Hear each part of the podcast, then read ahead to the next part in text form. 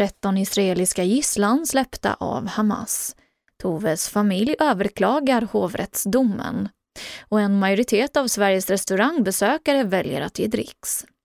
Här är senaste nytt som börjar med att 13 kvinnor och barn som hållits som gisslan av Hamas nu har släppts.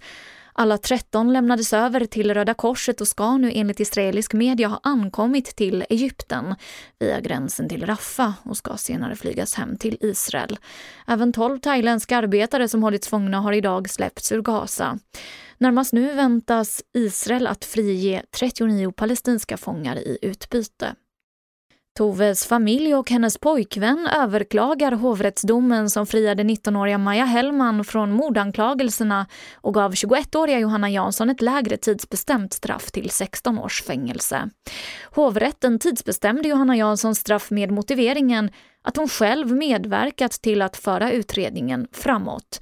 Och det är detta som familjen nu vill få prövat av Högsta domstolen. Johanna Jansson har sedan tidigare överklagat domen och det åligger nu Högsta domstolen att ta ställning till om målet ska få prövningstillstånd. Regeringen varnar för att en felöversättning av Ulf Kristersson som sprids på sociala medier kan skada svensk säkerhet. I klippet som filmades i Göteborg tidigare i veckan påstås statsministern säga att Israel har rätt till folkmord, vilket alltså inte stämmer. Utrikesdepartementet uppmanar människor att inte sprida klippet vidare och poängterar vidare att det Kristersson sa var att Israel har rätt att försvara sig. Vi hör Carl Oskar Bolin som är minister för civilt försvar.